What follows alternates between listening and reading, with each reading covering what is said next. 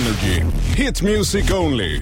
Det här är musikredaktionen på Energy där vi upptäcker massa ny musik såklart och nu har vi en av världens absolut hetaste DJs med på telefonen och producenter. David Guetta, hello sir, how are you? I'm very good. Happy to speak to you. Yeah, I'm happy to speak to you, you too, finally. I've been waiting for this moment. You know why? Tell me. Because you're an Arsenal supporter. you saw on my uh, IG that I was there. Yeah, I saw, and I'm a Chelsea supporter, so you know I'm I'm a bit disappointed. I love everybody. I love everybody. You know, um, you know that I'm going to be the musical ambassador for the UEFA, the Yeah. Euro. Uh, so I have to be friends with all of them. okay, okay, we can be friends. Okay. yes. So so I saw a, a picture of you, Afrojack, and Martin Garrix the other day. Yes. Can you tell me something about that? Well, um, there's this event called ADE, which is a kind of a, a DJ convention in Amsterdam. And uh, we did something really fun with uh, with Afrojack. We uh, we rented a, a huge studio with five different rooms, and we invited lots of uh, young producers uh, uh, to to play with us, and we just had fun all together. So there was like DJs and producers in each rooms, and we were like playing music to each other and showing each other tricks. It was it was really amazing. I want to ask you something about the Afrojack, especially because I know you have a great relationship with him uh, from from many years back, and I saw you guys in Ibiza this summer, and I heard some rumors that you are working on a on a track together. Maybe I don't know. Oh, we're always doing things together. Uh, yeah, absolutely. Well, we, we've we've worked together on Hey Mama, for example, and uh, yeah, we always do things together. But I want to speak about the the new the new track, "Bang My Head." It's incredible. Yeah. I'm so happy about this record. I think it's really, really exciting. Yeah, I think I think this is one of your best tracks, uh, actually. Wow, wonderful. I'm happy to hear this. But you have been working with Sia before, right? And uh, you made the track Titanium together. How how do you feel working with Sia all over again? I- I don't know what it is, but there's this really magic connection every time we are together. And um, she's just my favorite singer-songwriter in the world, you know. And um, she's so, so talented. And I think on this record, the, the, the combination between Sia, Fetty Wap, and myself is so unexpected because, you know, you have one person from um, Sia is kind of a alternative pop uh, indie pop kind of record. Uh, uh, uh, uh, Fetty Wap is like the absolute number one in urban music right now, and, and myself that is more electronic. So it's kind of almost strange to put all of us together, but that's what I do. You know, I love doing unexpected things and then mixing things that are not supposed to be mixed together. Do you feel nervous when you release a track like this? Because oh, I mean, yes, very much. Especially when I expect so much from it. You know, because when I when I feel like, oh my God, this record is huge.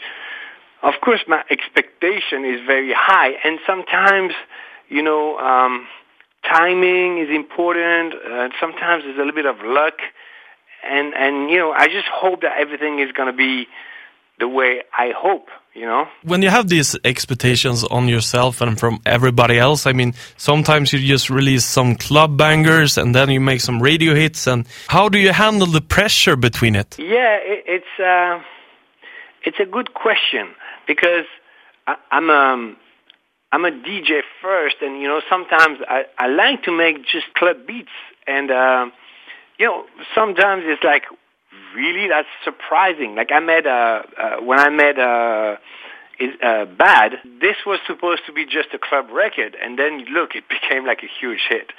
Um, and and now I have actually uh, there's a repack of uh, of Listen called Listen Again that is being released now uh, for Christmas, and and there's a few of those club records that I've normally I, I use them only for myself. I don't necessarily release them, but one of them is called Pelican. And and that record, every time I play it, it's completely crazy. It's only instrumental, uh, but I've put it on the repack because people are loving it so much, and it's very different from what you can expect from me. and I like this. Yeah, I'm looking forward to hear it. And I want I want to speak about Bang My Head again because I I actually haven't seen the video yet. It's been out for a while, but I haven't seen the video. I'm sorry, It's David. cool. But can you tell me something about the video? Yes, it's it's uh, the video is very cool. Um, it's uh, it's it's like an underground horse race, uh, and yeah, it's it's very very cool, very cool. I'm I'm being an actor. It is. You being an actor? yeah. Oh my God. Wow, I'm I- such a bad actor. Every time I see myself, I want to die. no, I bet you're a good actor. No, I promise you, I really suck. I'm just getting used used to the camera a little bit, but before, oh my god, the first times when they would say the word action, I would completely freeze, you know, and like no, absolutely no expression on the face, cannot move my body. I'm just so scared, you know. So now it's a little better, but I'm I'm no, I I don't think I'm an actor.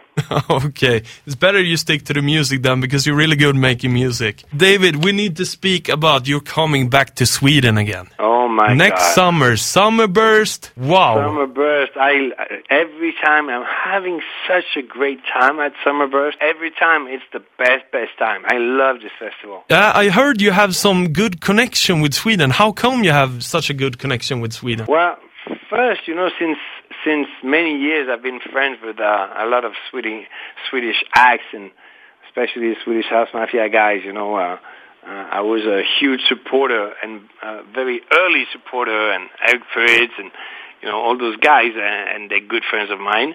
Um, and I don't know, I just I just like the country very much. Uh, I think I think people are are, are very very nice and uh, and a great crowd. Like when I perform this festival, every time I'm like, boom, you know, it's such a rush. I love it. That's amazing. Is there something you want to say to the Swedish fans? Well, I want to say I love you guys, and I will see you and come party hard with you very soon. And hopefully, uh, you like Bang My Head as much as I do. David, such a pleasure to talk to you. Next time you're in Sweden, you need to drop by the studio because we need to solve this problem with the Arsenal thing. I can tell you. David, take care now and uh, have a nice day. Thank you so much. Bye.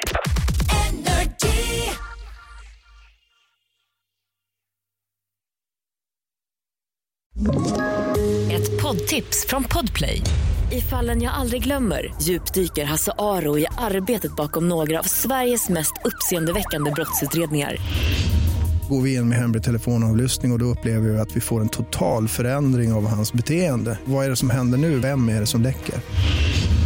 Och så säger han att jag är kriminell, jag har varit kriminell i hela mitt liv men att mörda ett barn, där går min gräns. Nya säsongen av Fallen jag aldrig glömmer på Podplay.